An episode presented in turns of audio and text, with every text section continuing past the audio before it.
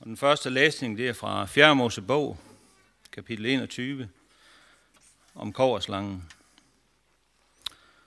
Så brød de op fra bjerget Hor i retning mod Sivhavet for at gå uden om Edom. Undervejs mistede folket tålmodigheden og talte mod Gud og mod Moses. Hvorfor har I ført os op fra Ægypten for at dø i ørkenen? Her er jo hverken brød eller vand, og vi er lede ved den elendige føde.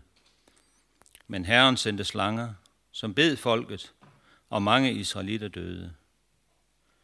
Der kom folket til Moses og sagde, Vi er syndet, for vi er talt mod Herren og mod dig. Bed til Herren om, at han skal fjerne slangerne for os.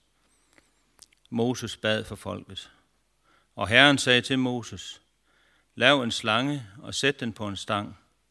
En hver, der er blevet bidt, og som ser på den, skal beholde livet. Så lavede Moses en korslange og satte den på en stang. Hvis nogen blev bidt af en slange og rettede sit blik mod korslangen, beholdt han livet.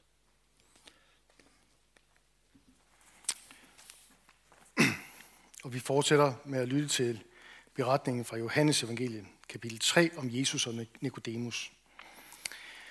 Der var et menneske, en af farisæerne ved navn Nikodemus, medlem af jødernes råd. Han kom til Jesus om natten og sagde til ham, Rabbi, vi ved, at du er en lærer, der er kommet fra Gud, for ingen kan gøre de tegn, du gør, uden at Gud er med ham. Jesus svarede ham, Sandelig, sandelig siger jeg dig, den, der ikke bliver født på ny, kan ikke se Guds rige.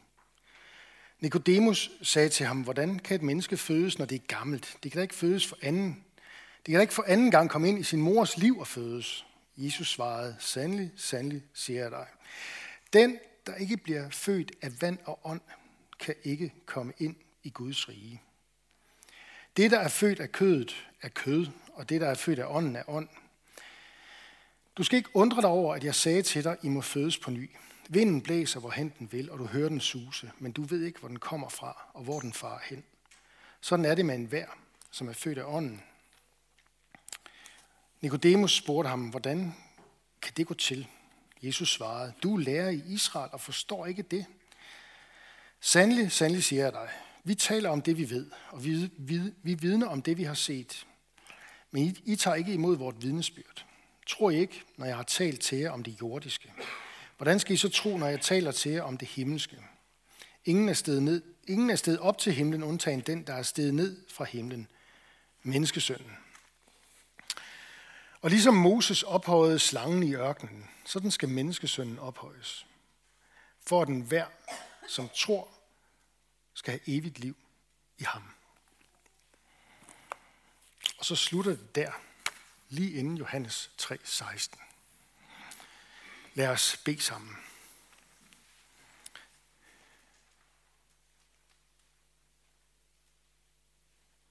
Gud, Helligånd, vi kan ikke se dig, men vi kan se frugterne af dit nærvær i menigheden, i vores liv.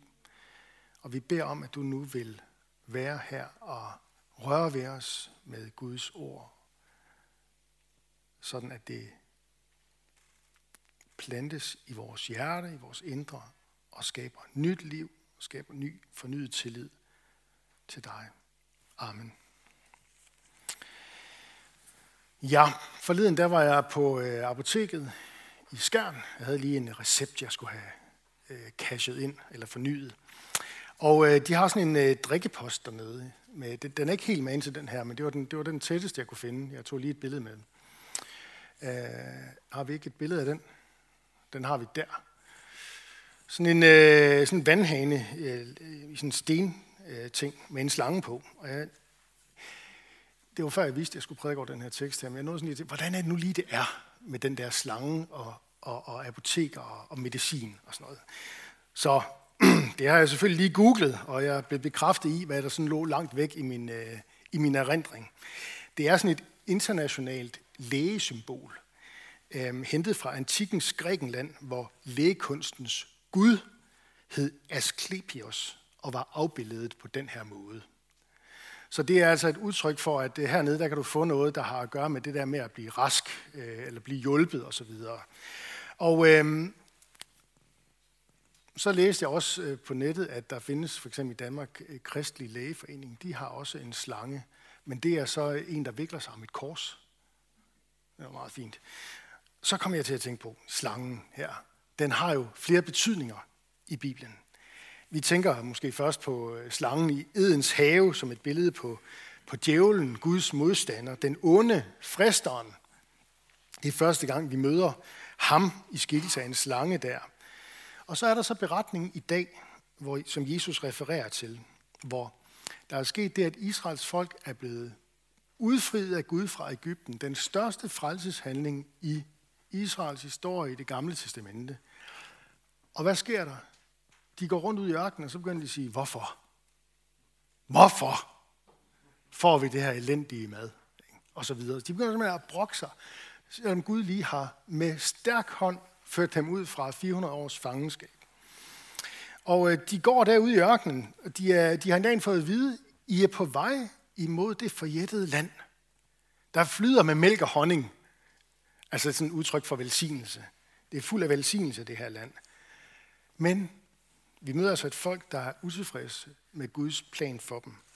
Og så kommer det der store, hvorfor? Mund Gud virkelig har sagt.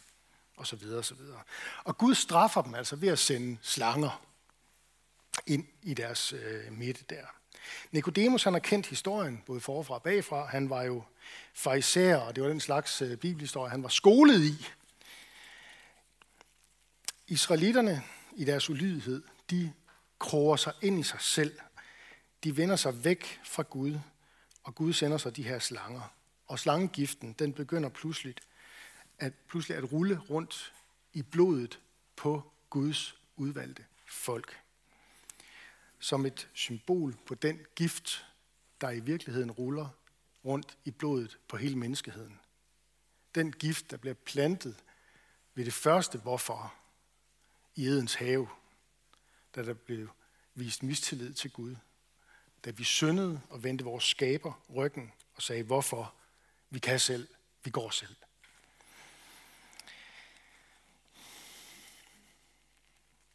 Så er der en modgift. Der er en vaccine. Det er at tage imod den frelse, Gud giver på den måde, han nu giver det.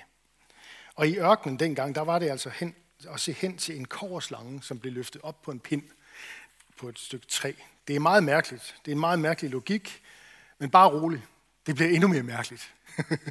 det bliver endnu mere mærkeligt, fordi så tager Jesus den beretning, og så siger han sådan fuldstændig overraskende,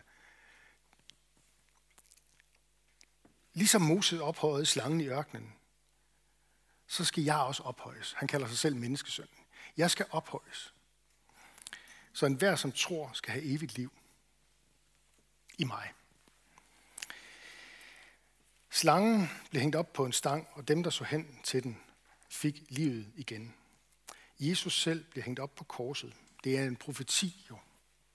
Han knytter an ved den gamle testamentlige historie her, men kommer så med den her profeti, det her udsagn, om at det er noget, der skal lære os at se hen til Jesus, og på den måde få den nye fødsel, blive født på ny have evigt liv i ham.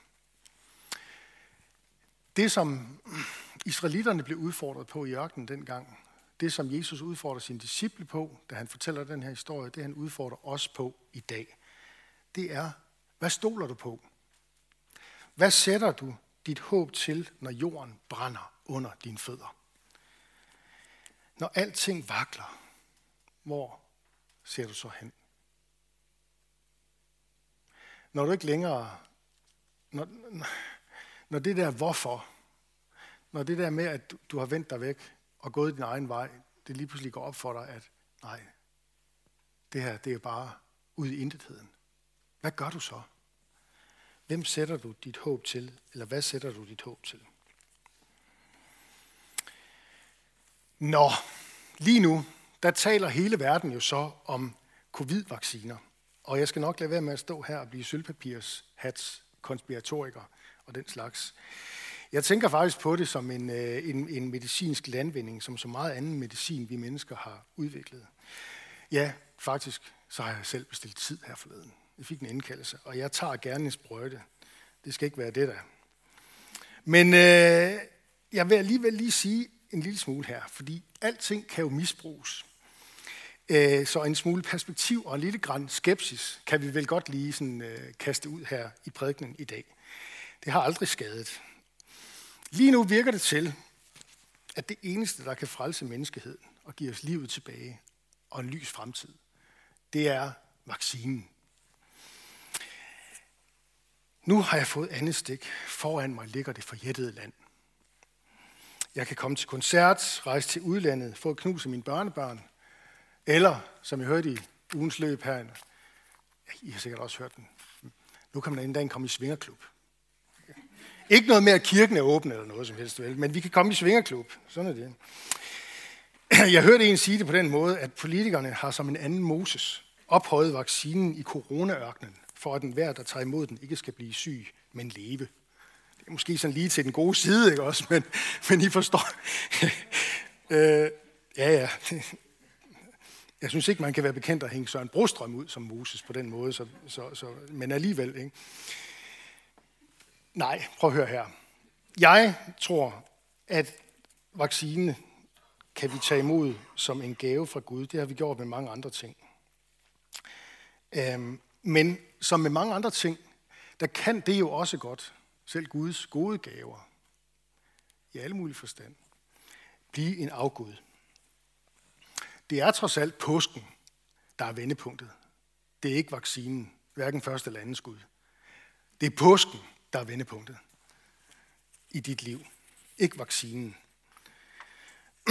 Og nu skal jeg ikke male fanden på væggen som sådan, men det er ikke lige frem det åndelige, der sådan har fyldt i mediernes og politikernes behandling og bevidsthed her under coronakrisen. En præst, jeg kender, han siger det sådan her. Det åndelige blev skubbet til side. Det er ikke så vigtigt. Øhm, på den konto lukkede vi gudstjenester ned i kirke, sygehus, plejehjem. Hospicepræster præster blev forment adgang til hospicerne. Der var kun adgang for livsnødvendige funktioner. Præster holdt sig tilbage fra husbesøg, og ensomme spurgte ikke ind til det af frygt. Men så kom miraklet. Og ja, måske skal du se vaccinen som et mirakel, som en bærer af vores frihed, eller hvad? Er det håbet for fremtiden? Den skal i hvert fald hindre nogle dødsfald. Ligesom kobberslangen i ørkenen. I tænker, hvor i alvideste verden vil han hen med det her, men prøv bare lige at hænge i her nu. Det er det der med, at en god ting kan godt blive misbrugt. Fordi når vi læser videre i Bibelen, så står der faktisk noget mere om korslangen. Den følger med Israels folk op igennem historien, igennem århundrederne. Og når vi kommer til 2. kongebog, kapitel 18, så møder vi en god konge, en af Israels få gode konger, der hedder Hiskia. Han bygger en øh, fantastisk tunnel, man kan gå igennem, hvis øh, ikke der er alt for meget øh, krig dernede i Jerusalem. Hiskias tunnel. Der er nogen af os, der har været igennem den et par gange. Ikke? Og øhm, om kong Hiskia, der står der sådan her, at øh, israelitterne på hans tid havde gjort den her korslange til en afgud. Der står sådan her i 2. kongebog 18. Korslangen, som Moses havde lavet, slog Hiskia i stykker. For indtil da havde israelitterne tændt offerild for den. Den hed Nehushtan. Det er hebraisk og betyder en ting af kover. Den var i virkeligheden ikke andet end en ting af kover, da den blev en afgud. For det handlede ikke længere om at stole på Gud. Den var til den der situation ude i ørkenen. Men nu har de igennem århundrederne taget den med sig, og så har de som så mange andre ting gjort det til en afgud. En blandt flere ting, man kunne sætte sin lid til, i stedet for den levende Gud, skaberen af himlen og jorden. Folket havde taget det, som Gud havde givet som et symbol på sin nåde og barmhjertighed, og så forvandlet det til en afgud. De har taget det, der var en gave fra Gud, og forvandlet det til en afgud. Det er så typisk menneskeligt, fordi vi ønsker ikke at have Gud som, det, som den øverste. Og så finder vi noget andet at sætte i stedet for. Og der er så meget, der bliver tilbudt os i stedet for. Nå, statsminister Mette Frederiksen, hun sagde også på et tidspunkt under krisen, tidligt i krisen, Et hvert dødsfald er en tragedie.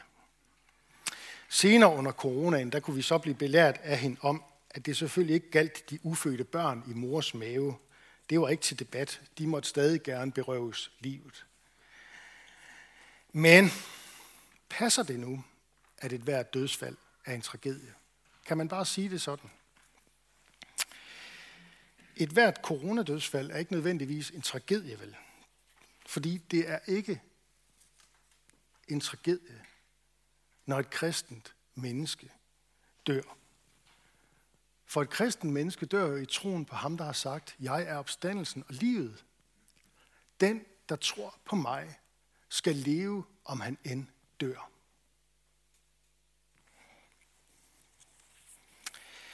Et hvert dødsfald uden Jesus er til gengæld en tragedie. For det menneske har fortabelsen et evigt liv uden Gud i vente. Som det siges i slutningen af det her kapitel, vi har læst. Den, der tror på sønnen, har evigt liv. Den, der er ulydig mod sønnen, skal ikke se livet, men Guds vrede bliver over ham.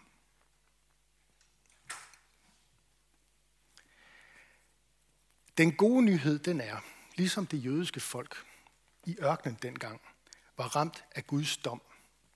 Bekendte deres sønder ved at løfte deres øjne mod øh, det Gud havde lovet, og så løftede de deres øjne mod korslangen.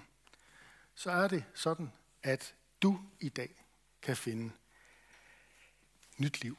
Blive født på ny ved at løfte dine øjne imod Jesus. Jesus på korset. Det her med kristen tro, liv og vækst, det handler om at se opad. Måske først ved at se nedad i det der vand, dåbens vand, og så mærke, eller tage Gud på ordet og stole på, at Guds ånd svæver over vandene og flytter ind i dit hjerte. Der, ved dåben. Det er her livet begynder. Det nye liv. Det er her kraften findes til at leve livet. Det er her, ved det her dåbsvand og Guds ords løfte og helligånden, at løftet om evigt liv også findes. For enhver, som tror, skal have evigt liv i ham, står der. Øhm,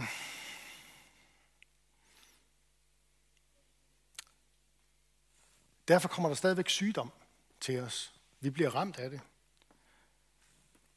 Vi bliver også ramt af ondskab, uretfærdighed. Men uanset om vi bliver ramt af sygdom, ondskab, håbløse situationer, hvad vi end kan komme i som mennesker, så er vores håb som kristne ikke længere væk, end det bare at løfte blikket. Det kan godt være, at du ikke magter at løbe ham i møde med åbne arme. Det gør heller ikke noget. Han spørger bare om, du vil løfte blikket på ham. På Jesus.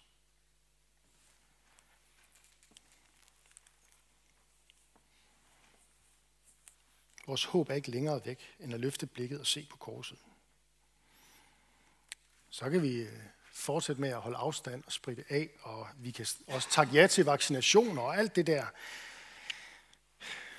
Men uanset hvordan det går, om så ulykken senere rammer, det kunne jo være, at jeg kommer ind i et trafikuheld på vej til vaccination, eller hvad ved jeg, ikke? Øh, at det går som forventet, uanset hvad der sker, så har vi et håb om et liv, der rækker ud over døden. Og hvor har vi brug for at høre det? Og har vi hørt det for lidt de sidste to år måske? Eller i det hele taget? det her med, hvad der foregår i kirken, vores tro, der bygger på Jesus, den korsfæstede opstandende. Ham, som om noget er Guds gave til os. Guds mirakel til os. Guds vaccine imod det, der er indeni, ikke også? Der indimellem truer med at rive vores liv i stykker. Guds ultimative mirakel, Jesus. Dit eneste håb for fremtiden. Dit antistof, vaccinen over dem alle, dødens overmand, ham som fjerner og bortskaffer din synd og skyld, Ham, som er stærkere end alt djævelens vold og magt. Det er derfor, vi gerne vil være en taknemmelig kirke i mission, for at sprede det budskab, for at leve selv af det budskab, for at den trætte og udpinte, den anfægtede, må løfte sit blik. For jeg overgår ikke andet, end bare lige løfte mit blik. Og så ser jeg ham på korset. Ham, som vi beder om i kirkebønnen, må blive kendt, troet, elsket og efterfulgt. Lad os bede sammen.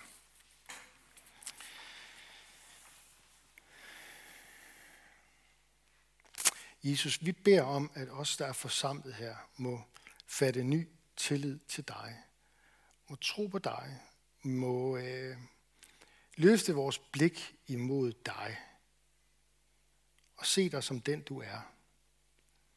Den, der har levet det liv, vi ikke kan leve. Den, der har holdt alle Guds bud og levet et fuldendt liv uden synd.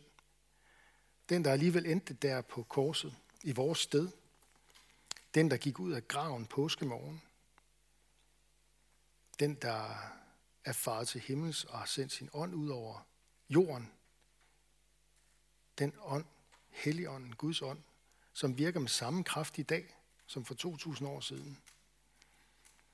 Vi beder om, at alt det må være noget, vi øh, får lov til at vokse i tillid til i tiden, der kommer.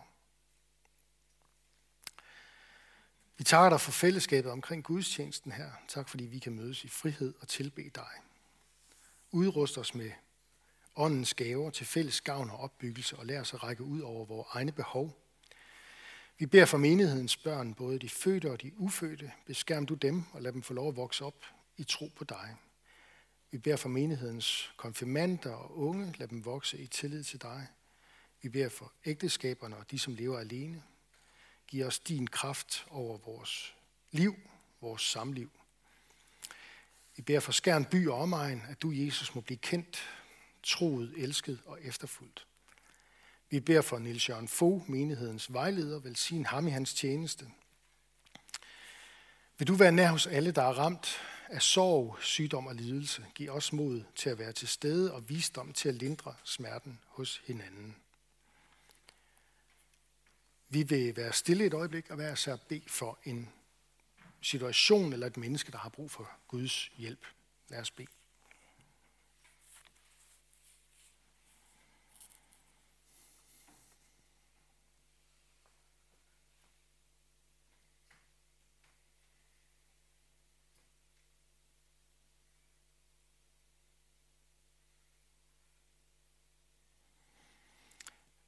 Vi beder for din kirke ud over hele jorden. Særligt for dem, der lever i verdens brandpunkter og forfølges for dit navns skyld.